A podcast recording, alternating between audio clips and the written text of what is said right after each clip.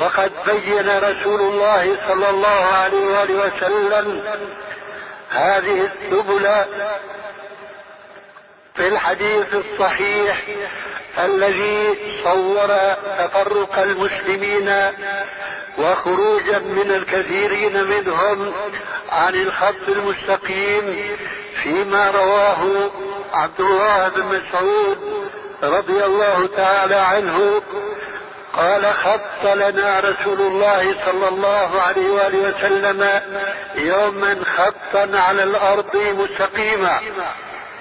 ثم خط حوله خطوطا قصيرة. ثم تلا قوله تبارك وتعالى وأن هذا صراطي مستقيما فاتبعوه ولا تتبعوا السبل فتفرق بكم عن سبيله. ثم قال عليه السلام وقد مر بأصبعه الشريفة على الخط المستقيم هذا صراط الله. وأشار إلى الخطوط القصيرة التي على جانبي الطريق. بقوله عليه الصلاة والسلام هذه طرق وعلى كل طريق منها شيطان يدعو الناس إليه. فقد بين النبي صلى الله عليه وآله وسلم في هذا الحديث أن الطريق الموصل إليه إلى الله عز وجل إنما هو طريق الواحد. وليس كما يقول بعض الصوفية أو على الأقل بعض المتصوفة قالوا أو زعموا إن الطرق الموصلة إلى الله عز وجل هي بعدد أنفاس الخلائق. هذا كانوا يقولونه قديما. أما اليوم فقد تعدلت تعدلت الطرق إلى تعدد الجماعات والأحزاب وكل حزب بما لديهم فرحون مع أن هؤلاء المسلمين اليوم جميعا يعلمون قول الله عز وجل ولا تكونوا من المشركين من الذين فرقوا من الذين فرقوا دينهم وكانوا شيعا كل حزب بما لديهم فرحون.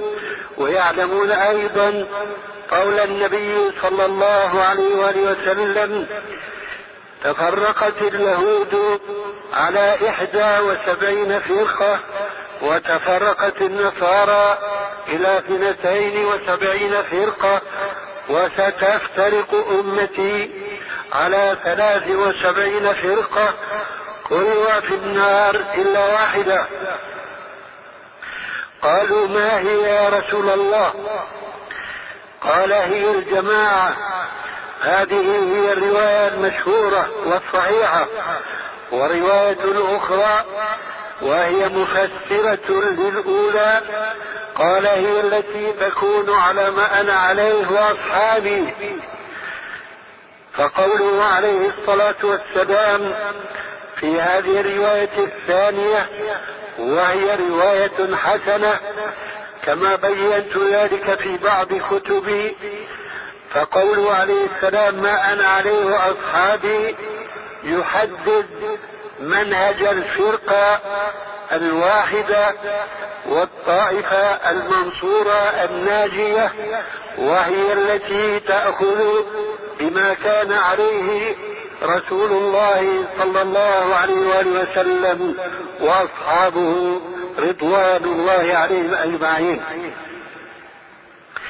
وهنا نكتة لا بد لي من ذكرها بمناسبة قوله عليه السلام وأصحابي لأنه من الواضح أن النبي صلى الله عليه وآله وسلم لو اقتصر على قوله ما أنا عليه لكان جوابه وافيا كافيا ولكنه لحكمة بالغة زاد على ذلك وعطف فقال وأصحابي والحكمة هي أن أصحاب النبي صلى الله عليه وآله وسلم كانوا جميعا على هدى من ربهم لأنهم تلقوا الوحي النازل على قلب نبيهم صلى الله عليه وآله وسلم غضا طريا كما أنزله الله عز وجل قبل أن يتسلط على مفاهيمه وعلى دلالاته العجمة أو الهوى الذي ران على قلوب بعض الذين جاءوا من بعد السلف الصالح من الآراء والأفكار المباينة والمخالفة لما كان عليه أصحاب النبي صلى الله عليه وآله وسلم.